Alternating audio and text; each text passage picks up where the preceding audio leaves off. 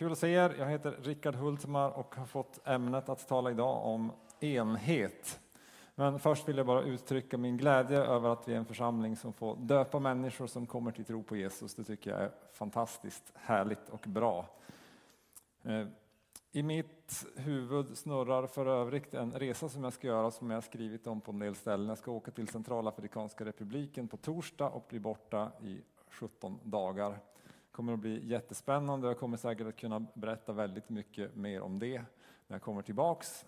Det har funnits ett engagemang i den här församlingen under många, många år för det arbetet. Marianne Gustafsson som är här idag, hon är en av missionärerna som har varit där och i en lång rad av missionärer från Korskyrkan. Och jag åker dit för att vi ska få fira 100-årsjubileum sedan de första missionärerna kom till den del av världen som nu är Centralafrikanska republiken och predikade om Jesus. Det är exakt 100 år sedan den 4 november. Så det blir stort firande och det kommer att bli jättekul att vara en del av det. Nu in på mitt ämne här, enhet. Då kan man ju liksom tänka, är det konflikter på gång i församlingen? Så här, varför pratar han om det här? Och det är det inte. Eh, inga stora som jag känner till i alla fall, utan det är en väldigt god stämning i församlingen här i Korskyrkan. Vi hade en församlingshelg för en dryg månad, nej, tre veckor sedan, det känns som en månad sedan. Eh, och det var väldigt, väldigt härlig stämning där. God gemenskap och jag skulle säga att vi har en god enhet i församlingen. Eh, så det är ett väldigt bra läge att tala om det här, kanske också lite förebyggande men också för att kunna behålla och upprätthålla det vi, det vi har just nu. Vi lever i en tid som är väldigt polariserad. Alltså I sociala medier är tonläget högt. Eh, politiken är tonläget högt och även i en del kristna sammanhang så, så bråkar vi om olika saker. Och vi, alltså just sociala medier-formatet gör oss konfliktsökande för det är så lätt liksom att trycka på en arg gubbe eller skriva en dräpande kommentar för att få några likes och så vidare. Och det här i sig eh, drar ju isär oss. För det är inte så roligt att få en arg gubbe på sin, där man försökte skriva eller få en dräpande kommentar tillbaks. Och eh, utrymmet i mitten blir liksom större och större på något sätt. För det, det blir liksom för eller emot, vitt eller svart, vän eller fiende. Och det vill vi liksom inte ha in i Guds församling. För det blir svårarbetat när man, när man hamnar där i skyttegravarna. Eh, vi har ju som sagt god stämning, men jag märkte bara på, vi hade bön i, i tisdags här, ett gäng som möttes och bad. Och då, det är ju aktuellt med det som händer i Israel just nu. Så vi läste från psalm 122, Be om frid för Jerusalem. Jag tror, att, alltså, jag tror att det är jätteviktigt att vi ber för den här situationen och att vi ber om frid och fred in i det. Men jag märkte direkt när vi började prata om det här och be så, så stiger ju liksom spänningen lite grann i rummet för att vi har alla åsikter i en sån fråga. Alltså man kan ha väldigt starka teologiska åsikter för det ena eller för det andra. Man kan tycka att ja, men Israel är ju verkligen Guds utvalda folk och kallelsen står kvar och andra kan tycka att ja, men det är för hemskt för att alltså det palestinska folket behöver, och så fattar ni. Och sen så liksom finns de här åsikterna i, i församlingen. Nu eh, tog inte vi det i bönen utan vi gav varandra frihet att be och så får Gud svara på, på våra böner så här. Och Gud får ta hand om, om den här saken.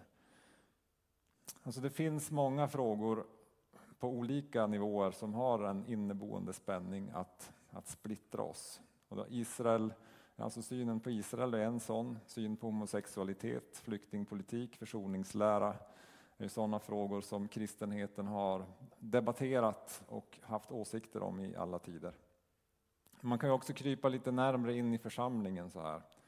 Man kan ju tänka så här, för, för, ungefär ett år sedan så lyfte vi frågan om renovering av kyrksalen här. Och genast märker man hur det börjar spänna till. Orgel eller, eller inte. Liksom. Eh, eller ska vi ha kvar träfonden eller inte? Alltså där, där finns det ju finns det ju åsikter. Som en, en del ler lite igenkännande, andra känner hur spänningen stiger. Vart är han på väg nu med det här?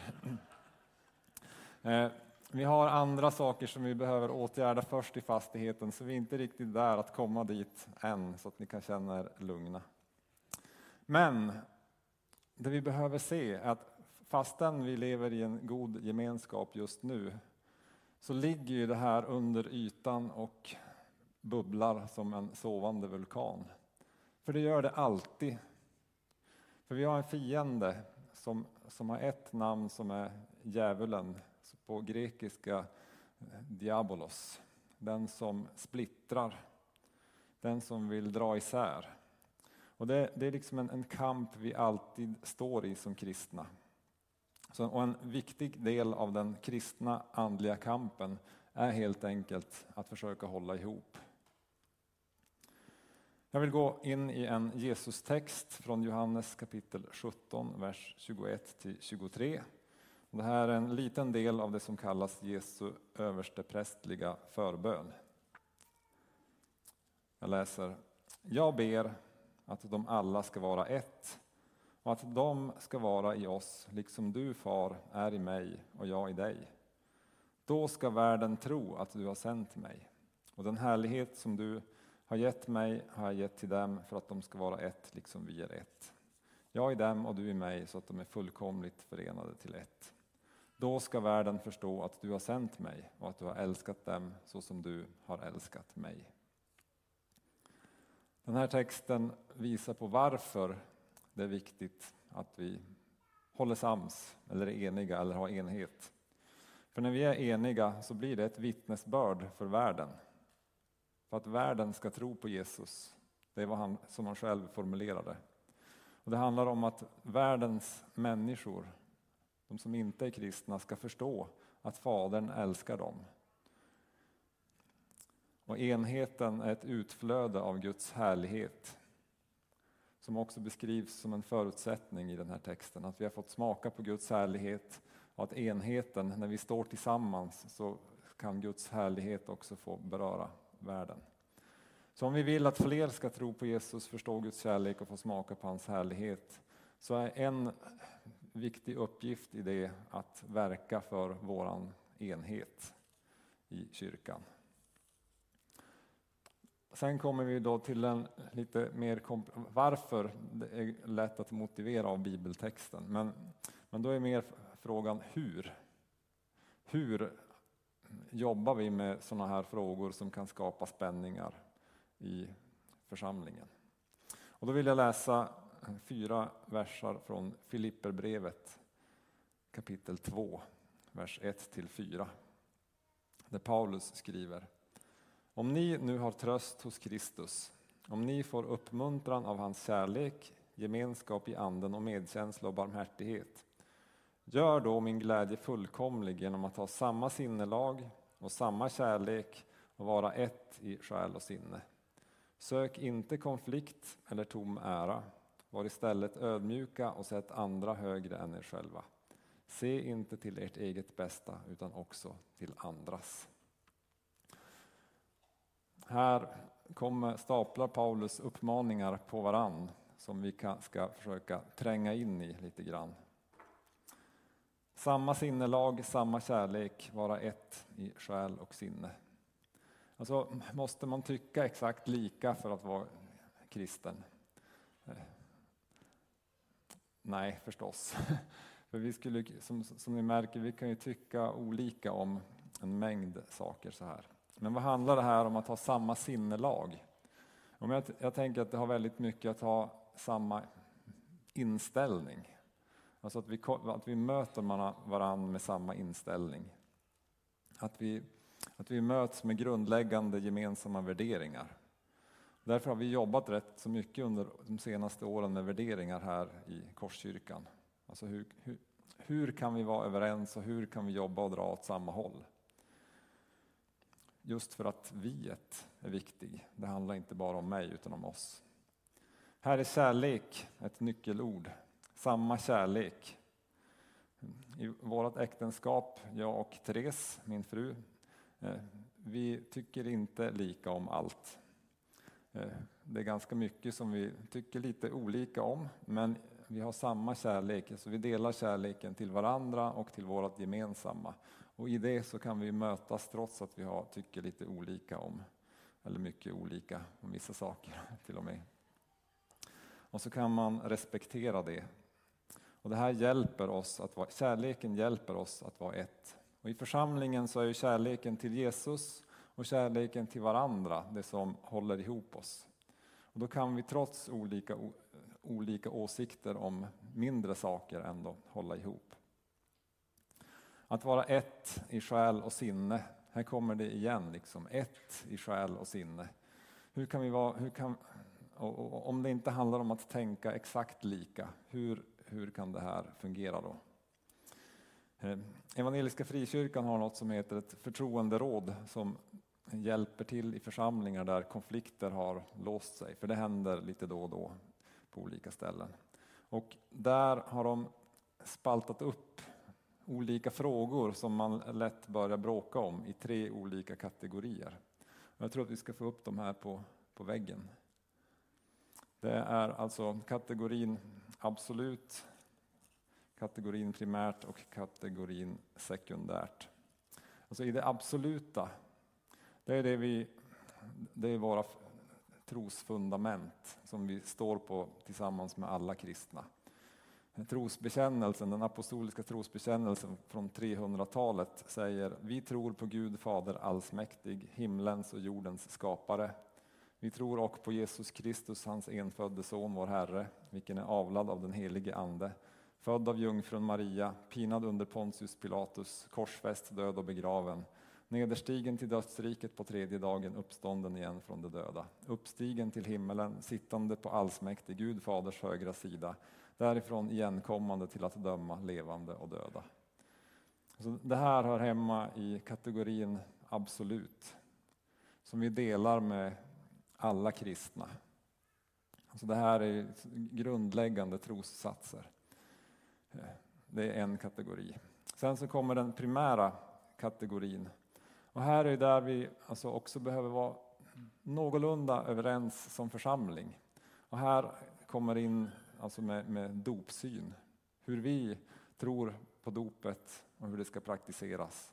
Nattvard, nattvardssyn, bibelsyn, hur vi läser och tror och förstår Bibeln och tolkar den. Karismatik, alltså hur vi ser på bön, på Andens gåvor, på lovsång och tillbedjan. Eh, synen på äktenskap, synen på ledarskap.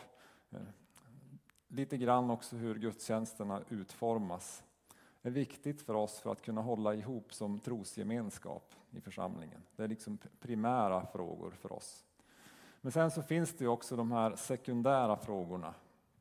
Och det är ju där vi eh, kan ha, förhoppningsvis i alla fall ibland, olika uppfattningar och ändå kunna hålla ihop. Och här sorterar jag in frågan om Israel, eskatologi, alltså de kristna lärorna om hur framtiden ska bli och se ut. Eh, hur vår verksamhet ser ut, eh, budget, även om liksom vår ekonomirådsordförande inte håller med här, han rynkar på ögonbrynen.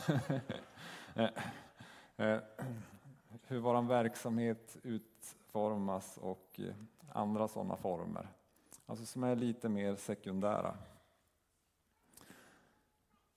Jag återkommer till det här alldeles strax. För Paulus skriver Sök inte konflikt eller tom ära. Och då tänker du, ja men alltså, jag håller ju inte med om allt det där. Israel är väl inte en sekundär fråga, eller budgeten. Jag tycker att det är en primär fråga, eller kanske till och med en absolut fråga. Och karismatik, det är väl sekundärt. Det tycker inte jag är så viktigt kanske du tänker. Eller du tänker, jag skulle vilja att pastorerna undervisade annorlunda. Eller du, någon tänker, jag skulle tycka att vi bör, behöver börja döpa barn. Eller kanske spela fler salmer på orgeln på söndagen eller något annat som ja, men, jag då tycker ligger i eh, sekundärt, men du placerar i någon annan kategori. så här. Poängen här är att vi viktar en del frågor olika. något som kan vara väldigt viktigt från mitt perspektiv kanske du, inte, kanske du tycker är sekundärt och tvärtom. Och det är ofta här vi missar varann och konflikter uppstår, för vi förstår inte viktningen av frågorna. Och kanske kommer in i ett samtal eller, eller så med lite olika vikt. Alltså för Ekonomirådets ordförande så är ju budgeten superviktig och det måste vi förstå. så här. Men i ett annat perspektiv så är den ändå, alltså jämfört med att Jesus stod på korset, så är den inte lika viktig för mig som pastor helt enkelt. Jag hoppas också för Ekonomirådet. Vi kan prata om det sen. Nu hänger jag ut dig lite, men det får du tåla helt enkelt. Ja, han klarar det. Och då kommer då frågan, får jag inte ta upp det jag inte håller med om? Om, jag, om vi inte ska söka konflikt måste jag bara... Nej, alltså så är det inte. Det är klart att du måste få, få säga eller tycka. Men att, att inte söka konflikt handlar ju också om hur man tar upp en sak och när. Du kan ju resa dig upp nu liksom och protestera i Jesu namn så här. Ja, då blir det lite dålig stämning. Eh, och, då måste vi på något vis försöka hantera det så här. Eh, ja, men, så timing är ju, är ju viktig, helt klart. Och hur. Jag har ju en karriär bakom mig på Trafikverket och där hade jag en eh, duktig chef som lärde mig att skilja på eh, debatt, diskussion och dialog. Alltså tre sätt att samtala. De kommer också upp här. Alltså debatt, det är när vi bryter argument mot varann för att försöka vinna. Det är det man ser i Sveriges riksdag oftast som politiker håller på med, eller när de har debatt på TV. Diskussion, det är ju ett intensivt samtal där vi vädrar våra åsikter och bryter det mot varann för att komma till något beslut eller en kompromiss. Eller försöka liksom diskutera oss fram till en lösning. Och dialog, det är helt enkelt när vi samtalar med varann. Där, man, där Eh, jag lyssnar på dig och du lyssnar på mig. Och vi försöker förstå varandras eh, både argument men också motiv. Så att man kan se eh, personen och hjärtana bakom. Och det här kan, ju led, kan leda oss till ett konsensus, alltså att vi håller med varann, eller att man fredligt stannar i att vi tycker olika. Så det är tre olika förhållningssätt. Och då tänker jag liksom bäst, bästa sättet att ta upp något när man inte håller med är ju, är ju inte att ge sig in i debatt direkt, utan att börja i dialogen. Du kanske, kanske är något som du inte förstår eller inte du håller med om här i kyrkan. Kanske något som jag har undervisat eller någon annan har, har sagt här framifrån. Och då kan man ju ta upp det, alltså jag skulle vilja prata om dig, alltså det här är något som jag hakar upp mig på. Och då kan vi mötas och samtala om det, så kan jag lyssna och du kan lyssna. Och så utifrån det så kan man ju se hur, man, hur vi kommer vidare helt enkelt. Och då söker man inte konflikt utan då söker man eh, förståelse. Det är en annan sak. Konflikt är ju när man helt enkelt söker att eh, skapa det här eh, debattläget så att man kan dela upp, jag har rätt, du har fel. Vem vinner? Och det, det är ju, eh, ibland kan man behöva hamna där. Eh, men det är inte där vi börjar eller det vi siktar på. Men ibland så kan frågor hamna där när man inte kommer vidare på andra sätt. Paulus skriver också, var istället ödmjuka och sätt andra högre än er själva. Se inte till ert eget bästa utan också till andras. Och det här är nog den viktigaste påminnelsen till alla oss individualister som tror att vi alltid kan allt, vet allt och alltid har rätt. Och när jag då får lust att trycka till med en vass formulering så behöver jag tänka att jag behöver söka andras bästa det gemensamma bästa. Och jag kanske får liksom lägga ner, eller döda, kill your darlings brukar man säga i en del sammanhang. Jag kanske behöver lägga ner det jag liksom tycker är allra viktigast det som är viktigt för mig men som i sammanhanget är sekundärt. Alltså, jag skulle vilja ha lite fler bassolon i lovsångsteamet till exempel. Ja, men det, jag kan lägga ner det. Eh, jag skulle gilla det, men, men det kanske inte är så viktigt till exempel. Eller, eh, jag tycker om att predika långa predikningar. Eh, frågan är om alla ni tycker om att lyssna på långa predikningar. Och så vidare. Det finns en liten del kvar i, i texten i Filipperbrevet som jag inte läste. Jag ska inte läsa hela det sammanhanget. Men Paulus fortsätter. Var så till sinnes som Kristus Jesus var. Så Jesus får vara vårt exempel också när det gäller att hålla ihop. Enheten, relationen till Gud, relationen till lärjungarna, relationerna till människorna och världen. Och Paulus har en lång text här där han beskriver hur ödmjuk Jesus var och gav sitt liv för alla människor. Han ödmjukade sig och blev lydig ända till döden, döden på korset. Och det får vara vårt exempel. Att söka enhet, att vara kristen, börjar med att omvända sig till Jesus. Att ta emot vad han har gjort för dig och mig på korset. Att bli räddad från synden, att få ta emot en frihet som du inte haft tidigare. Att få ta emot av Guds härlighet och få förutsättningar att leva i försoning och i enhet på ett sätt som du inte haft tidigare.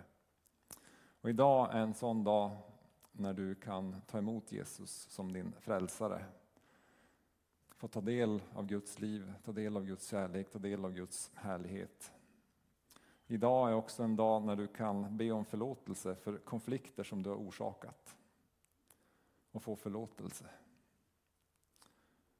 Idag kan du också ta ett beslut att följa Jesus och överlåta dig till att bli en person som var så till sinnes som Jesus Kristus var. Och det här är viktigt för att världen ska förstå att den är älskad av Fadern. Amen.